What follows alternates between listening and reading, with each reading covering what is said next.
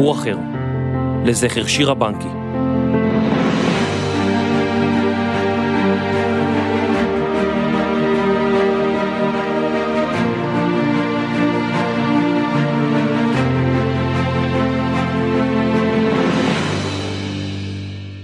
ברוכים הבאים לסדרה סיפור אחר, לזכר שירה בנקי. סדרת אודיו בהפקת דרך שירה בנקי והפודקאסט קטעים בהיסטוריה. בת הנילוס, דוריה שפיק. נהר הנילוס הוא מקור החיים של מצרים.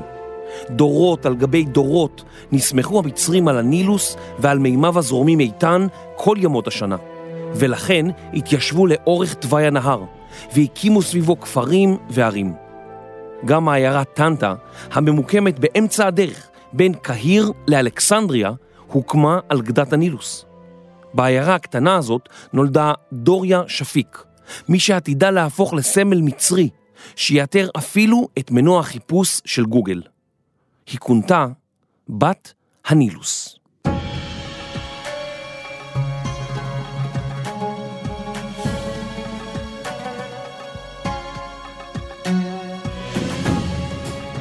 דוריה שפיק נולדה בשנת 1908 למשפחה מצרית עמידה.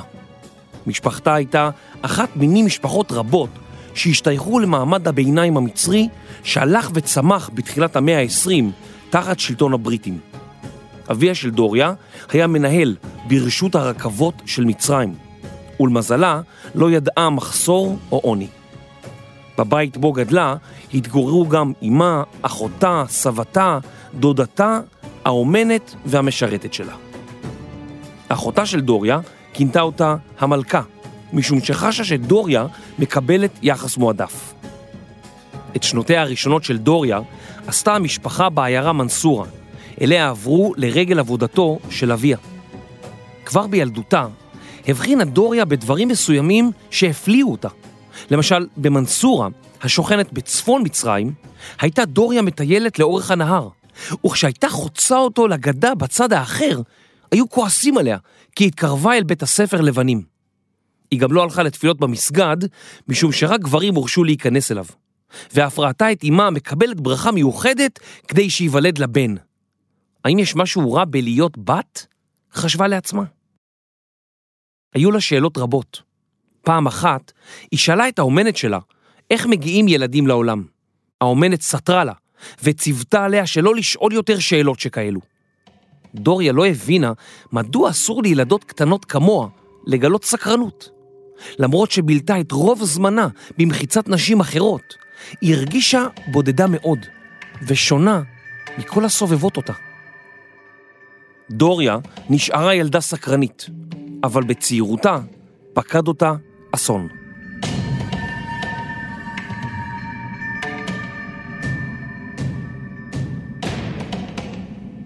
כשהייתה בת 11, נפטרה אמה של דוריה בפתאומיות. דוריה סיפרה כי היום ההוא נותר חקוק בזיכרוני כפצע כואב ובלתי ניתן לריפוי. פצע כה גדול שסימן את כל ימי חיי בתחושת אובדן. כדרך להתמודד עם היגון, ריכזתי את כל מאמציי בלימודים. כתוצאה מכך, התקדמתי בקצב כל כך מהיר, שתוך זמן קצר הגעתי לכיתה של אחותי הגדולה. באותה תקופה, רוב הנשים, ולא רק במצרים, לא זכו להשכלה גבוהה. למעשה, רוב הנערות לא המשיכו ללמוד אחרי חטיבת הביניים, כי הוטל עליהן להתחתן ולהקים משפחה כבר בגיל צעיר. אבל דוריה, הסקרנית מטבעה, המשיכה בלימודיה וחלמה להיות אשת העולם הגדול.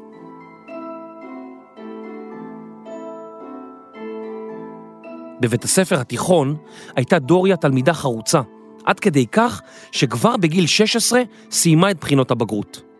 מבין כל התלמידים במצרים שניגשו לבחינות באותה השנה, הגיעה דוריה למקום השני בציוניה, ואף זכתה על ההישג במדליה, שהוענקה לה על ידי משרד החינוך המצרי. כעת נסעה דוריה עיניה ללימודים באוניברסיטה. אחת האוניברסיטאות שנחשבו לטובות בעולם באותה עת היא אוניברסיטת סורבון שבפריז. דוריה שאפה להירשם ללימודים בסורבון, אך לא ידע כיצד תעמוד בתשלום שכר הלימוד הגבוה.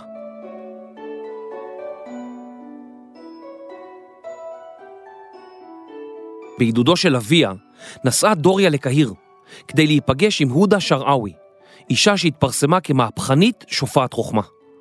במסגרת פעילותה למען שוויון זכויות לנשים, בחרה שרעאווי להסיר את הניקאב, הרעלה המכסה את פני האישה המוסלמית האדוקה. הליכה בפנים גלויות במצרים של תחילת המאה ה-20 הייתה מעשה פורץ דרך שעורר תגובות נזעמות מצד רבים, אך גם הפך את שרעאווי למובילת המאבק למען זכויות נשים במצרים. דוריה שפיק סיפרה בזיכרונותיה על הפגישה עם שרעאווי. מצאתי בה חום אמהי, כאימא שלוקחת את ידי ומובילה אותי אל העתיד. בפגישתן התרשמה שרעאווי מחוכמתה של דוריה, ואמרה לה שיהיה זה כבוד גדול עבור מצרים אם תצא ללמוד מעבר לים.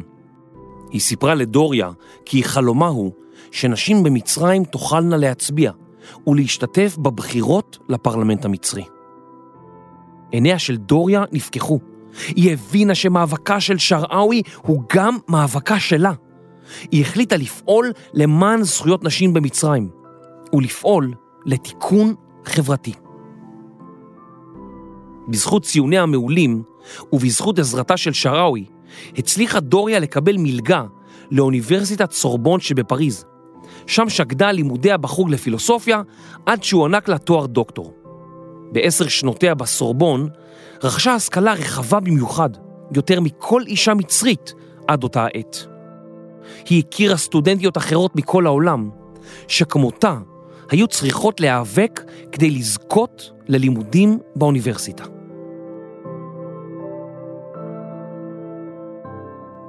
בפריז של שנות ה-30 התקבצו ענקי תרבות. למשל הצייר הספרדי פבלו פיקאסו והסופר האמריקאי ארנסט המינגווי, ודוריה ספגה את האווירה התרבותית המיוחדת הזו. היא פרסמה מחקרים פרי עטה והפכה לאינטלקטואלית מהמעלה הראשונה. במקביל, היא גם הכירה בלימודי הדוקטורט בפילוסופיה את הדוקטורנט נור א-דין רגאי, והוא הפך לבן זוגה. השניים סיימו את לימודיהם וחזרו למצרים, זמן קצר לפני שפרצה מלחמת העולם השנייה. עם חזרתם למצרים, והיא כבר מחזיקה בתואר דוקטור לפילוסופיה מהסורבון, הגישה דוריה מועמדות למשרת פרופסור באוניברסיטת קהיר, בתקווה שתתקבל כמרצה בפקולטה למדעי הרוח. אחרי הכל, היא הייתה בוגרת הסורבון, אחת האוניברסיטאות הנחשבות בעולם. אלא שדיקן הפקולטה לא הסכים לקבלה, ואמר כי אינו יכול לשאת באחריות לצירופה של אישה יפה כל כך לצוות ההוראה. דוריה זעמה על היחס מטעם דיקן הפקולטה. היא חשה כי מתייחסים אליה בזלזול, כאל אישה יפה ותו לא. בינתיים החלה דוריה לעבוד במשרד החינוך המצרי, כמפקחת על הוראת השפה הצרפתית. אך במשרה ממשלתית מעין זו, לא היה לה החופש היצירתי שכה היה חשוב לה.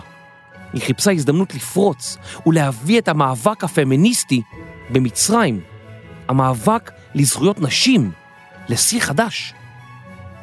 בשנת 1945 פרסמה מאמר בצרפתית, תחת הכותרת האישה החדשה במצרים, ובו הסבירה כיצד עקרונות האסלאם אינם סותרים את עקרון השוויון בין גברים לנשים. בזכות מאמר זה, הפכה למפורסמת מאוד בקרב האצולה המצרית של התקופה, וגם הנסיכה שוויקר, אשתו הראשונה של המלך פואד הראשון, הבחינה בכישרונה. בין השנים 1805 ל-1953 שלטה במצרים משפחת מלוכה. בשנת 1952 היא הודחה על ידי ארגון הקצינים החופשיים, ושנה לאחר מכן ביטל הארגון את מוסד המלוכה המצרית.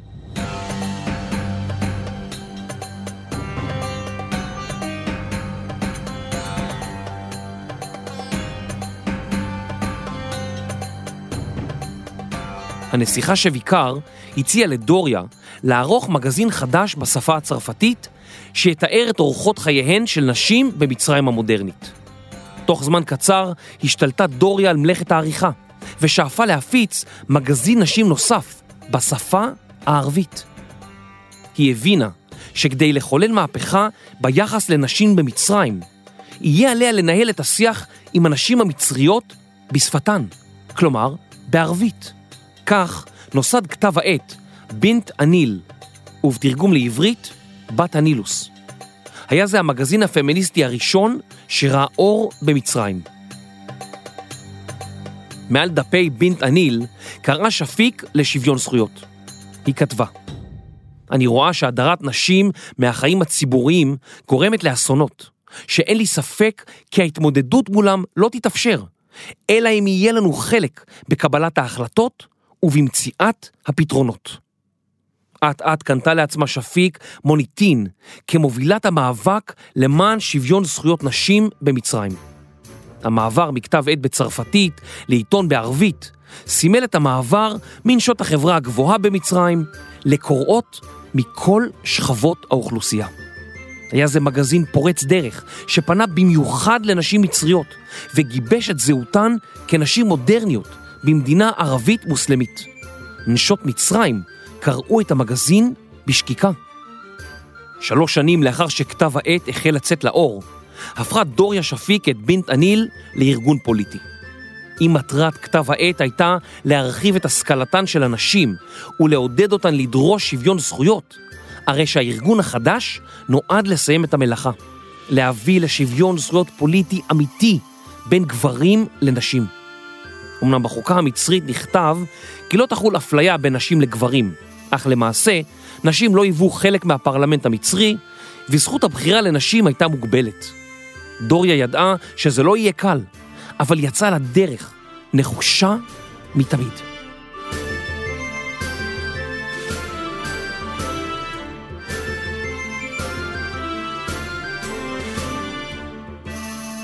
בשנת 1950, שנתיים לאחר הקמתה, כבר רשמה לעצמה התאגדות הנשים בינט אניל הישגים רבים.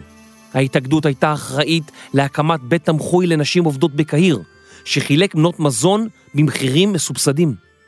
התאגדות הנשים בהובלתה של שפיק גם סייעה לסטודנטיות במציאת עבודה לאחר הלימודים, וכן ארגנה מופעי תרבות והרצאות על זכויות נשים.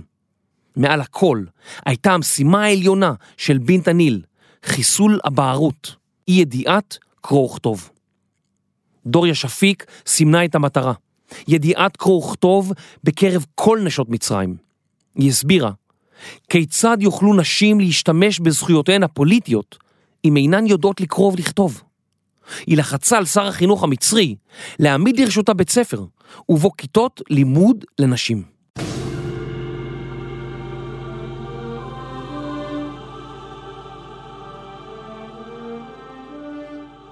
לאחר שנות עבודה רבות, החליטה דוריה שפיק שהגיע הזמן למעשה מהפכני. ב-19 בפברואר 1951 יצא מצעד של נשים אל עבר הפרלמנט המצרי בדרישה שתוענק להם הזכות לבחור ולהיבחר. כשהגיעו אל בניין הפרלמנט, קראה דוריה שפיק לכל הנשים לבוא אחריה ולהסתער על הבניין. על הפרלמנט ללא נשים, קראו אחריה כאלף מפגינות. הן השתלטו על המקום וטבעו את זכויותיהן. היה זה מעשה אמיץ של אי ציות אזרחי. המשטרה ניסתה לפנות את המפגינות, אך הן לא הסכימו לעזוב במשך שעות, עד שהובטח להן על ידי גורמים רשמיים שכל דרישותיהן יענו. ההסתערות על בניין הפרלמנט הפכה לסיפור הצלחה. אחרי שנים של פעילות שלווה, הבינה דוריה שפיק שזכויות נשים תושגנה רק בלחץ הפגנות ומחאות. אנחנו חייבות לצאת לרחובות, היא אמרה. כתוצאה מההסתערות, הייתה אמורה דוריה שפיק להישפט על כך שהובילה הסתערות על בניין הפרלמנט. אך מאות אנשים שבאו לתמוך בה בבית המשפט גרמו לביטול האישומים נגדה. בתחילת שנות החמישים גדלה התאחדות הנשים בינט הניל עוד יותר, וגם הצמיחה זרוע צבאית. כ-200 נערות מצריות ששאפו לשרת את מדינתן, וארגנו לעצמן אימונים צבאיים. דוריה שפיק החליטה להוביל אותן לפעולה נגד סניף של בנק ברקליס בקהיר. הייתה זו מחאה נגד הנוכחות הבריטית במצרים. אומנם מצרים הייתה באופן רשמי מדינה עצמאית, אך למעשה כוחות של הצבא הבריטי עדיין נכחו בה, וכן חברות בריטיות שחלשו על משאבי הטבע במדינה. דוריה הוציאה בשנית מאות נשים לרחובות. הן הקיפו את סניף הבנק, כך שעובדיו לא היו יכולים להגיע אליו, ושיתקו את פעילותו. דוריה המחישה שהמאבק למען זכויות נשים הולך יד ביד עם המאבק למען עצמאות לאומית. נשות מצרים יזכו בחופש רק כשמצרים בעצמה תזכה גם היא בחופש. לאחר מהפכת הקצינים החופשיים, פעלה דוריה שפיק למען הכרת המשטר החדש בזכותן של נשים לבחור ולהיבחר. אולם כל מאמציה לא הועילו, ובמועצה הלאומית החדשה שהוקמה, נשים לא זכו לייצוג. היא החליטה לעשות מעשה.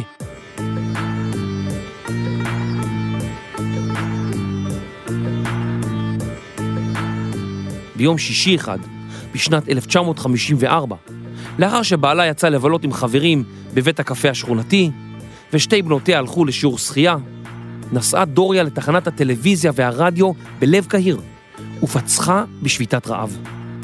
היא הכריזה כי לא תחדל עד שהמשטר החדש יכיר בזכויותיהן הפוליטיות של נשים וישלב נציגות נבחרות בתהליך כתיבת החוקה החדשה של מצרים. היא הסבירה, לעולם לא אוכל לחיות תחת חוקים שבהכנתם לא היה לי חלק. במשך שמונה ימים סוערים הצטרפו נשים נוספות לשביתת הרעב, וההנהגה החדשה של מצרים נכנעה לתביעתה של שפיק. הנשיא המצרי שלח לה מכתב, בו כתב כי מצרים מחויבת לחוקה אשר מכבדת את זכותן של נשים. בשנת 1956 שונתה החוקה המצרית, ונשים במצרים הורשו להצביע בבחירות. כל עוד הן ידעו קרוא וכתוב, דבר שגברים למעשה לא היו מחויבים בו. אך עדיין, היה זה הישג אדיר לנשות המדינה ולדוריה שפיק. הפגנות ופעולות דומות לאלה של שפיק התרחשו בבריטניה בתחילת המאה ה-20 ובמקומות אחרים, ועתה הגיעו למצרים. שפיק הפכה לדמות פופולרית ברחבי העולם, והוזמנה להרצות במדינות רבות, ביניהן ארצות הברית, יפן, פקיסטן ואחרות.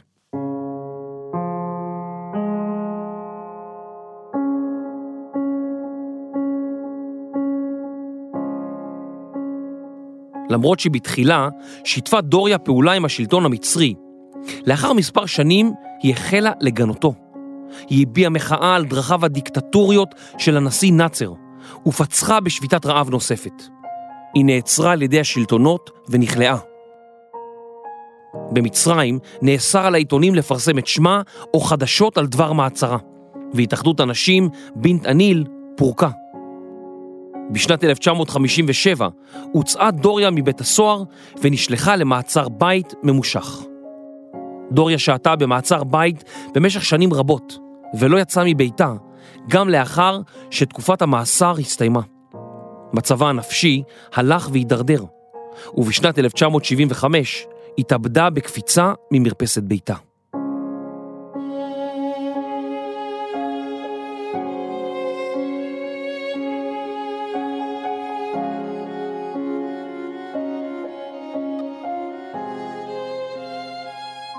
מאבקה ארוך השנים של דוריה שפיק קצר הצלחה, ועם הזמן היא הפכה למנהיגה פמיניסטית ולסמל לאומי במצרים. כינו אותה בשם בת הנילוס, כשם העיתון שערכה, וכשם הארגון שהקימה.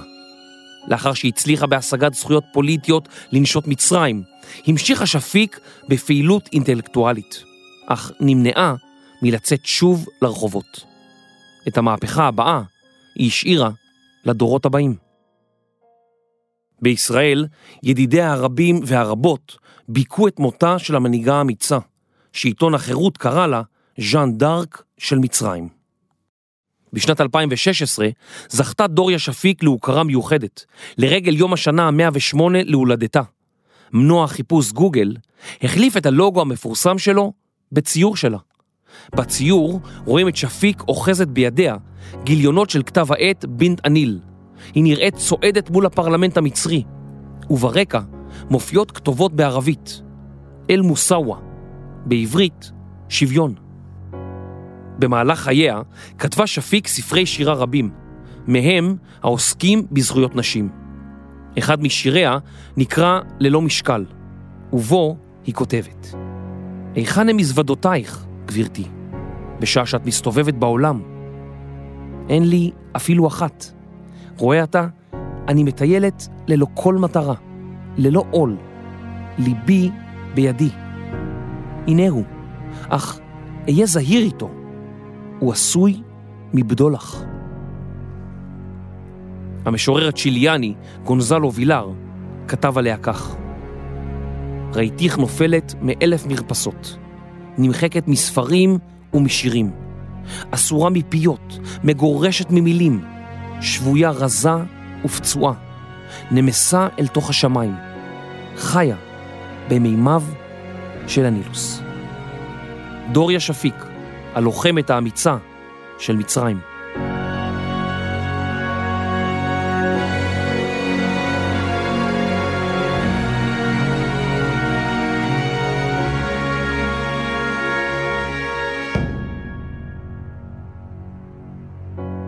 ביולי 2015 צעדו שירה בנקי וחבריה במצעד הגאווה, מתוך אמונה בזכות אחרים לחיות את חייהם כפי שהם רואים לנכון. בשל הסתה, שנאה וקיצוניות, שירה, עדיין לא בת 16, נרצחה. לאחר הרצח החליטו הוריה של שירה, מיקה ואורי, להנציח את זכרה באמצעות פעילות לקידום שיח מתון בישראל.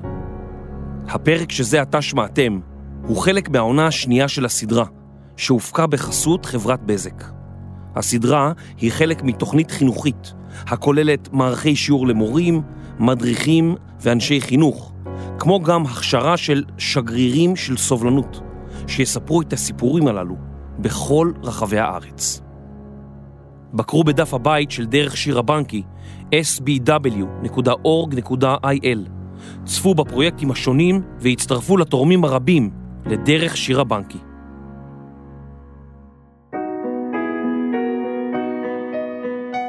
מחקר וכתיבה, תומר שלוש.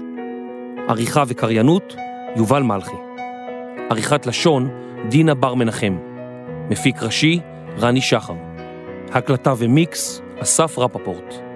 הפרק הוקלט באולפני סוף הסטודיו. תודה לחברת בזק שסייעה בהכנת פרק זה. סיפור אחר, לזכר שירה בנקי.